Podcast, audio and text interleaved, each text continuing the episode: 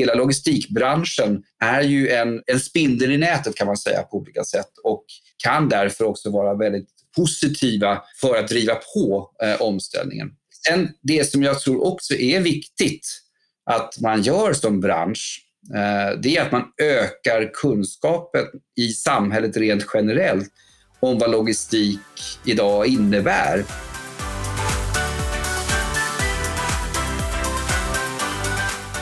Hej Åsa! Hej Thea och hej alla ni som lyssnar. Välkomna till ett nytt avsnitt av Logistik överallt. Mm, idag ska vi prata om viktiga saker. Jag har faktiskt med mig ett litet klipp här som jag vill spela upp innan vi kör vidare. Alltså, okej, okay, kör. People are suffering. People are dying. Entire ecosystems are collapsing. We are in the beginning of a mass extinction and all you can talk about is money and fairy tales of eternal economic growth. How dare you! Ja, jag får gåshud varje gång jag hör det här talet. Det är alltså från Greta Thunbergs tal som hon höll 2019 på FNs Climate Action Summit. Ja, man får lite ont i magen när man hör det här faktiskt. Men idag ska vi inte skapa mer ångest. Vi ska däremot lyfta ett viktigt ämne som berör oss alla. Ja, precis. Vi ska prata mer om klimatet, hållbarhet och såklart hur det påverkar både mänskligheten och logistikbranschen. Dina favoritämnen ju. Ja. ja.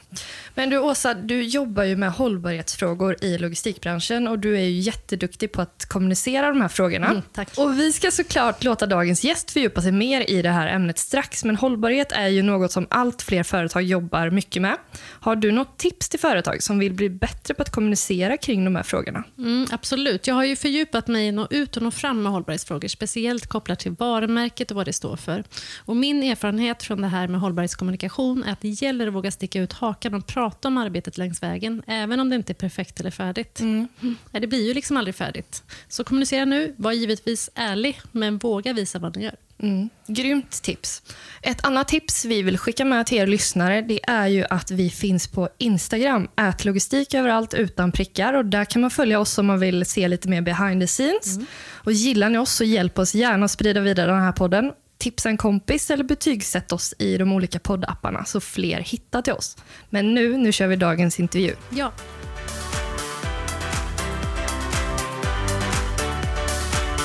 Är det kört för mänskligheten? Eller finns det hopp för klimatfrågan? Vart är vi på väg med klimatet och hur kan vi inom logistikbranschen bidra till en hållbar framtid?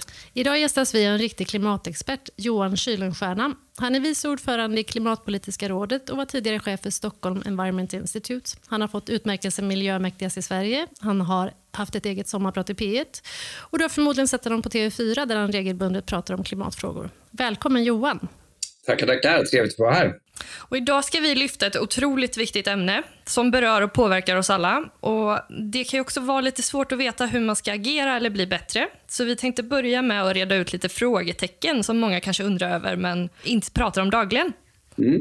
Precis. Vi börjar så här. Hur kan man sammanfatta den globala och aktuella klimatfrågan och vad är det som händer egentligen? Ja, alltså klimatförändringarna de fortgår eh, utan tvekan. Eh, växthusgashalterna stiger fortfarande i atmosfären.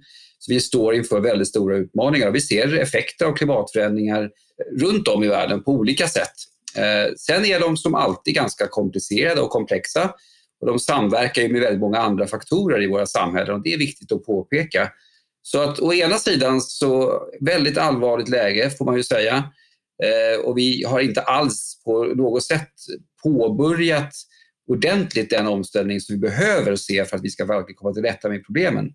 Å andra sidan så är också statusen att det faktiskt börjar hända väldigt mycket. Och det är flera saker som idag går i rätt riktning och det viktigaste kanske, det finns säkert många detaljer som vi kan prata mer om, men det viktigaste det är att det har skett en väldigt stor mental förändring. Idag har vi en mycket starkare samsyn från politik, den mesta politiken, inte överallt, näringsliv och bland egentligen många av oss vanliga människor att det här är en viktig fråga och vi måste jobba med den. Och det är en positiv historia tycker jag som går att berätta om klimatfrågan. Det handlar ju både om globala förändringar och lokala förändringar. Om man tittar på frågan ur ett svenskt perspektiv, hur ser det ut här?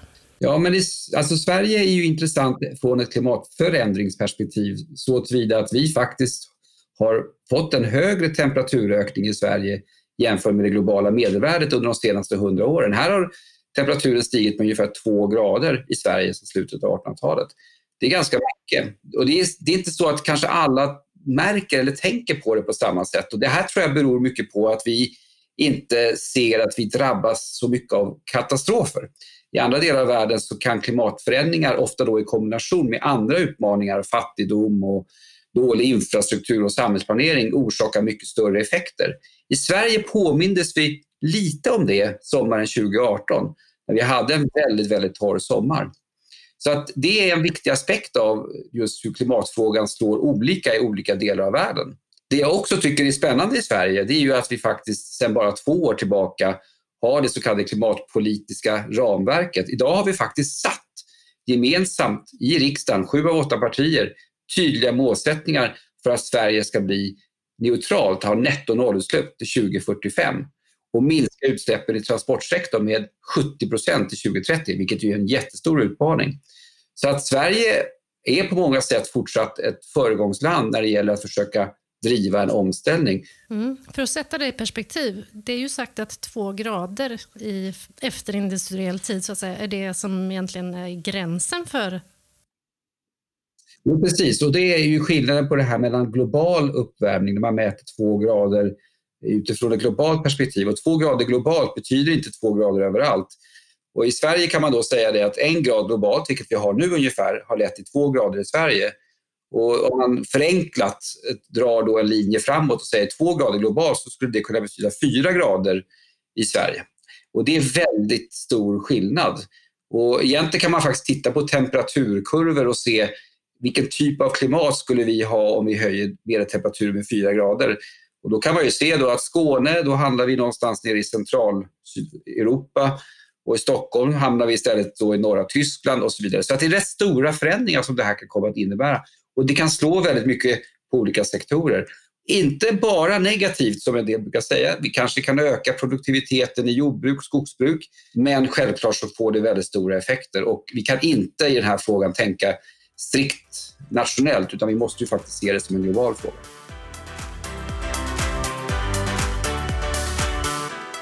Växthuseffekten, det är också något man pratar mycket om. Vad är det för något? Växthuseffekten är en grundförutsättning för livet på jorden. Vi har ju en atmosfär som innebär att eh, vi inte då exponeras för direkt solinstrålning och som också innebär att inte den då bara reflekteras ut i rymden igen. Som man, om man är på månen till exempel så är det ju extremt varmt på solsidan och väldigt kallt på eh, nattsidan vi har en atmosfär som jämnar ut kan man säga eh, i klimatsystemet. Då. Och I den här atmosfären så har vi ett antal gaser som fyller en viktig funktion och då är bland annat växthusgaserna ett exempel på det. Koldioxid, eh, det finns en del andra, metan, dikväveoxid och så vidare. Men koldioxiden är viktigast i det här fallet, förutom vattenånga som faktiskt är ännu viktigare som växthusgas. Och vad de gör det är ju att de absorberar, som det säger, tar upp jordens långvågiga värmestrålning. Så när jordytan värms upp så avger den långvågig värmestrålning och den här värmestrålningen absorberas av de här, eh, eller de här gaserna och håller kvar värmen. Utan dem så skulle vi ha en medeltemperatur som i princip ligger 30 grader under den vi har idag, det vill säga minus 15 grader istället för plus 15 grader. Eh, men släpper man ut mer växthusgaser så ökar den här värmehållningsförmågan. Det är ganska enkelt att beräkna. Det här räknas i watt per kvadratmeter. Det är ganska enkelt att beräkna rent teoretiskt hur mycket då temperaturen skulle öka. Sen är klimatsystemet komplext och det gör att det inte alltid är linjärt förstås, utan det finns många andra faktorer som kan motverka, förstärka och så vidare. Så klimatet interagerar ju hela tiden med biosfären, det vill säga ekosystemen, och med haven, havsströmmar och så vidare. Så att eh, det är i grunden ett, ett komplicerat system. Och det är ju här ibland som då så kallade klimatförnekare vänder sig mot när debatten blir för förenklad. Och I vissa fall så får man ge dem rätt på vissa faktorer förstås. Så är det. För några år sedan så gick ju FN ut med 17 globala hållbarhetsmål. Och Man ser ju att allt fler företag där ute jobbar aktivt med dessa. Men vad innebär de globala hållbarhetsmålen och hur kan de påverka oss? Ja, men de globala hållbarhetsmålen är ju en fortsättning på faktiskt ett arbete som egentligen FN har bedrivit och världens länder ganska länge, ända sedan Stockholmskonferensen 1972 via Riokonferensen 1992 då vi fick Agenda 21 och Rioprinciperna och konventionerna till då Agenda 2030 och de eh, 17 målen. Egentligen så är ju de bara en, en sammanfattning, ett ramverk för vad vi menar vi ska kunna upp, behöver uppnå för att vi ska kunna säga att vi har ett någorlunda hållbart samhälle. Det här är ju alltid någonting som rör sig så att det är inte så att vi når ett mål och sen är vi färdiga utan det kommer ju alltid vara en, en utvecklingsprocess. Men det handlar ju om ingen fattigdom, eh, det handlar om eh, väl fungerande hållbara städer, det handlar om ett klimatsystem som är i balans, ekosystem som inte utarmas, hälsa, jämställdhet. Och det intressanta är också faktiskt att de globala målen, till skillnad från tidigare mål, också tar upp det här med eh, innovation, cirkularitet, starkt näringsliv, starka institutioner, fredliga samhällen. Så att man kan säga att det här är en global gemensam vision som i grunden alla länder och i stort sett alla människor säkerligen kan ställa sig bakom. Någonting vi kan sträva efter att uppnå. Och Det är också viktigt att säga att målen de är ju, det är därför man ofta ska prata om just Agenda 2030, det vill säga hela agendan. De 17 målen är som man brukar säga odelbara. Eh, och det betyder ju då att alla mål hänger ihop på olika sätt. Det finns väldigt många synergier. Om man uppnår ett mål så leder det till att man också kan uppnå andra mål. Det finns också målkonflikter om man inte hanterar det på rätt sätt. Det finns en konflikt mellan klimatmålet till exempel och ambitionen att alla människor ska ha tillgång till eh, energi eller väl fungerande transportsystem och så vidare. Så att det finns målkonflikter också som man behöver hantera.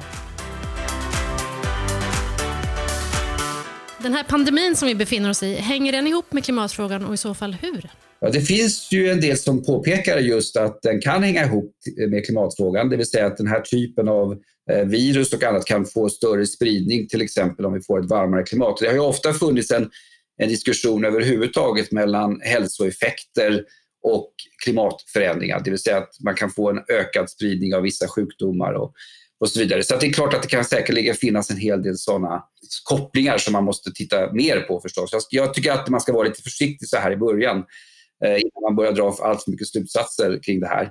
Men det är ingen tvekan att sådana kopplingar kan finnas. Däremot så finns det kanske ännu tydligare kopplingar till andra miljöproblem som ofta lyfts fram i det här sammanhanget. Till exempel handeln med vilda djur och att man utarmar ekosystem, att, att eh, man faktiskt får en större spridning av sjukdomar, man får en större blandning mellan människor och vilda djur än man har haft tidigare. Så att, att det finns kopplingar mellan sjukdomsrisk, sjukdomsspridning och miljöfrågor, det råder nog ingen tvivel om. Sen så exakt hur det här kan kopplas till klimatfrågan, eh, det kanske man ska avvakta lite grann med till man har bättre underlag. Egentligen. Men om vi tittar framåt då, hur tror du att corona kommer att påverka klimatarbetet eh, både politiskt för företag och för privatpersoner framöver? Ja, det är också en sån här fråga. där Jag tycker man ska vara lite ödmjuk, men jag kan ju spekulera och det är ju det jag gör i det här fallet då förstås utifrån vad jag också ser lite grann trender och så vidare. Det finns lite olika vägar som vi kan se framåt och olika krafter som kommer att driva på olika sätt det är ju ingen tvekan om att de flesta länder vill sparka igång sina ekonomier. Eh, och I de allra flesta fall så är visionen, som jag ser det, en återgång så snabbt som möjligt till det vi hade innan och sen förstås kanske då fortsätta omställningsarbetet. Och så kan det mycket väl bli. Det gäller ju inte minst länder som brottas mycket med, med eh, stora tapp i turistnäringen till exempel. Där för dem är ju resor en grundförutsättning och att få igång människor igen att börja resa är en, en viktig faktor till exempel. Eh, så det är klart att det kommer att finnas en, en kraft åt det hållet som man får förstå till viss del. Eh, och så var det lite grann under finanskrisen också. Och faktum var att även då pratade man om grön omställning. Sen såg vi tyvärr en direkt eh, återgång till det vi hade sett tidigare och snabbt ökande utsläpp också. Så det kan nog bli så. Och utsläppen kommer att öka från de nivåer vi har nu. Det är ingen tvekan om det. Men det finns ju också en rad andra möjliga vägar framåt och som vi säkerligen också kommer att se till viss del. Eh, det ena är ju att eh, energisektorn just nu ställer om väldigt, väldigt snabbt. Och den här krisen har faktiskt exponerat den sårbarhet som finns inte minst för de fossila energikällorna. Så att hela den här energiomställningen tror jag kommer att påverkas av den här krisen. Och troligen då i en riktning som utifrån en, ett omställningsperspektiv är positivt. Men det får vi se va, exakt hur det spelar ut. Men det är ingen tvekan om det. Och idag är det så att låga energipriser som drivs just nu av låg efterfrågan snarare gynnar förnybart än det fossila. Och Det är ganska intressant, för det, så var det inte för tio år sedan. Så det här är en stor förändring. Det andra som är intressant är ju då de väldigt stora offentliga investeringarna som kommer att gå in för att få igång ekonomin igen. Och där finns det möjligheter att ställa olika typer av krav på att de ska innebära också en omställning till ökad hållbarhet. Och där tycker jag återigen att det är intressant att man ser faktiskt en hel del aktörer inom näringslivet som ställer just de kraven. Så att det, är ju väldigt, det här är tillbaka till den här mentala förändringen som har skett som innebär att vi faktiskt har en mycket större möjlighet att se en, en återhämtning som är betydligt grönare än vad vi hade för tio år sedan efter finanskrisen. Det här är ju en podd som lyfter logistiken och eh, vi vill visa att den finns överallt. Så vi vill eh, prata lite mer om försörjningskedjor och logistik. Hur påverkas detta av klimatfrågan? Jag tror att det kan påverkas väldigt mycket av klimatfrågan eh, och det finns olika dimensioner i det här. Personligen är jag en väldigt stark förespråkare av ett globalt samhälle, alltså en stark globalisering. Handel är för mig en förutsättning för hållbar utveckling, utan tvekan. Om vi ska vara 8, 9, 10 miljarder människor på den här planeten så måste vi ha en väl fungerande handel, ett väl fungerande flöde av varor och tjänster. Orsaken till det är ju att jorden ser ju inte likadan ut överallt, utan resurser finns på olika platser. Vi måste kunna flytta resurser. Eh, och det handlar inte bara då om ekonomi, utan det handlar faktiskt om grundläggande försörjning också. Väldigt många länder i världen har ingen möjlighet till exempel att producera livsmedel för sin egen befolkning i den omfattning som krävs. Och då måste man kunna importera livsmedel från andra håll. Så att logistik, transporter, handel, det är absolut förutsättningar för eh, en glo alltså global hållbar utveckling. Klimatfrågan kommer att påverka det här på olika sätt. Dels så påverkar det genom att för vissa länder så ökar behovet till exempel av import av livsmedel. Får man ökad eh, liksom ökade problem med torka till exempel, eh, vattenbrist, så kommer då behovet av att importera öka i, i många fall. Och det här är ju en, en viktig faktor eh, som vi kanske inte alltid tänker på. Vi fick en viss påminnelse då sommaren 2018 om vår sårbarhet när vi ändå hade sån torka i Sverige att vi behövde importerar faktiskt mer, även baslivsmedel. Eh, Men för många länder är det här en realitet och tittar vi på hur klimatförändringar kommer att stå i Mellanöstern och i många andra länder så kommer det här utan tvekan att bli en stor fråga framöver. Så det är den ena delen, alltså klimatförändringar driver ett ökat behov av handel. Den andra då är att vi ser en ökad sårbarhet. Alltså får vi stora översvämningar eller omfattande torka i regioner som idag är väldigt viktiga för försörjningen oavsett om vi pratar livsmedel eller om vi pratar komponenter till industri så kan det här ju slå ut de här värdekedjorna. Så att man ökar ju också sårbarheten på olika sätt genom klimatförändringar. Eh, det fanns eh, exempel på stora översvämningar. Jag tror att det var i, det var i framförallt i Thailand, Sydostasien för ja, något tiotal år sedan, där kostnaderna för de översvämningarna var mycket större i eh, Europa och USA än vad de var i Sydostasien. Och det berodde ju på att väldigt många industrier inte fick komponenter därför att fabrikerna hade översvämmats helt enkelt. Eh, och ser vi då en ökad risk för den här typen av effekter av klimatförändringar så är det självklart att det här kommer att påverka frågan om sårbarhet. Eh, och det finns faktiskt, eh, Stockholm Environment Institute tillsammans med andra vet jag har tagit fram kartor som visar just på det här med sårbarhet. Och det som är spännande där, det är att ett land som Sverige som är väldigt globaliserat, vi är väldigt sårbara för klimatförändringar. Det här är ett annat sätt att se på det, för ofta så pekar man ut fattiga länder i Sydafrika som absolut mest sårbara, för det är de direkt så att säga på grund av att de är fattiga, de, de riskerar livsmedelsbrist och så vidare. När ett land som Sverige, som är extremt globaliserat, är också väldigt sårbar, sårbart för just såna här indirekta klimateffekter som man pratar om. Alltså effekter av klimatförändringar som sker någon annanstans. Mm. Det här är en jättestor fråga för oss och klimatförändringar kommer utan tvekan att, att påverka våra logistikflöden, eh, tror jag, eh, i de kommande årtiondena. Vad måste vi i logistikbranschen göra för att vi ska kunna bidra till att vi uppnår eh, hållbarhetsmålen och de här eh, hårda kraven som ställs upp i EU med mera? Ja, alltså det är ju en väldigt, väldigt stor fråga självklart.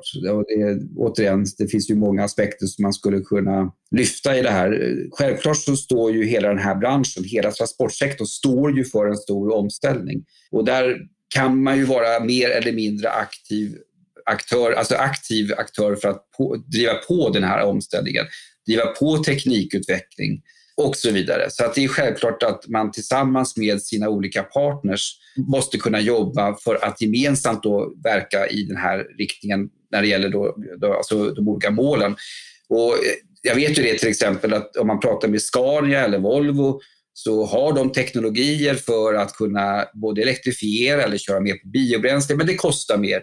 Och då är det en fråga som man då behöver prata med sina kunder om och ni är, mycket, ni är kopplade till kunderna.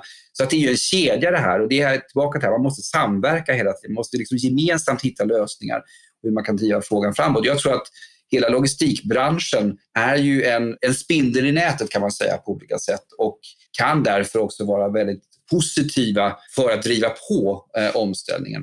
Sen det som jag tror också är viktigt att man gör som bransch eh, det är att man ökar kunskapen i samhället rent generellt om vad logistik idag innebär. Och nu blir den här frågan om sårbarhet till exempel stor. Då måste ju ni som bransch finnas med i den diskussionen. Vad betyder logistikbranschen? Hur ser den ut idag? Hur fungerar den idag? Hur kan den bli mindre sårbar? Vad är det man behöver då för eh, kanske politiska beslut? Eh, hur behöver man förändra systemet? Hur kan man bidra till att eh, då förändra och förstärka systemet? Stärka resiliensen, alltså sårbar, eller tåligheten för förändringar i, i hela den här sektorn. Och Det tror jag är faktiskt väldigt, väldigt viktigt. Jag tror att det är få människor, jag själv inkluderat, som egentligen vet hur mycket vi är beroende av logistik på det här sättet. Alltså hur, hur de här kedjorna faktiskt fungerar och var sårbarheten finns i de här kedjorna. Som sagt var, frågan om livsmedelsförsörjning som jag tycker är extra spännande. Eh, jag var också undrande i början av pandemin hur det skulle påverka Sverige. Alltså skulle vi verkligen börja se tomma butiker vad gäller många livsmedel? Nu gjorde vi inte det. Och då är frågan varför gjorde vi inte det? Var det ren tur till viss del eller vad beror det på? Alltså vilken roll har då logistikbranschen spelat för att kunna hantera den här svåra situationen. Jag vet att man var snabbt ute och pratade med EU-kommissionen om hur man skulle säkerställa öppna gränser och sådana saker. Det här tror jag är en jätteviktig fråga där branschen måste spela en stor roll för att bygga framtidens hållbara värdekedjor, men också faktiskt att eh, bli bättre på och allmänt informera om hur systemet fungerar idag, vilken sårbarhet som finns och vilka utmaningar som finns för att säkerställa att de här kedjorna verkligen kommer att fungera. Vet vi någon gång om vi har lyckats med klimatfrågan? Det där är ju alltid en bra fråga. Eh, jag tror att vi kommer att lyckas minska våra utsläpp så mycket så att vi inte påverkar i grunden eh, halten växthusgaser i atmosfären. Sen är det ju alltid en fråga om tidsperspektiv på saker och ting. När vi pratar om det, pratar vi liksom 10, 50, 100, 200 år. Och när vi pratar flera hundra år så finns det också en ganska stor naturlig variabilitet i växthusgaser som tusentals år som gör att det liksom är ett litet rörligt mål det här med klimat och klimatförändringar. Eh, det, finns ju, det är inte bara så att det är inte bara människan som påverkar klimatet utan det finns en rätt stor naturlig klimatvariabilitet också. Så jag, jag, tror så här, jag tror att vi kommer att lösa den här typen av utmaningar, det vill säga jag tror inte att vi kommer fortsätta använda fossila bränslen särskilt många årtionden till.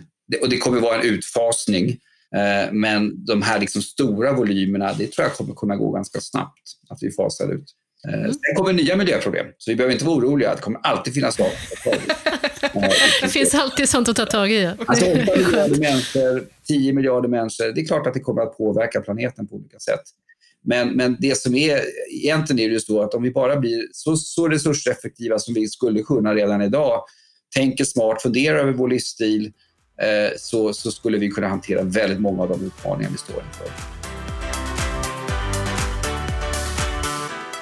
Det var allt för idag. Tusen tack Johan för att du ville gästa Logistik överallt. Tackar. Och stort tack också såklart till alla er som lyssnat. Återkoppla gärna vad ni tyckte om avsnittet på LinkedIn eller på vårt Instagramkonto att logistik överallt utan prickar. Och glöm inte att ni kan läsa en sammanfattning av det här avsnittet på dagenslogistik.se och där hittar ni också en massa spännande och aktuella logistiknyheter. Vi hörs!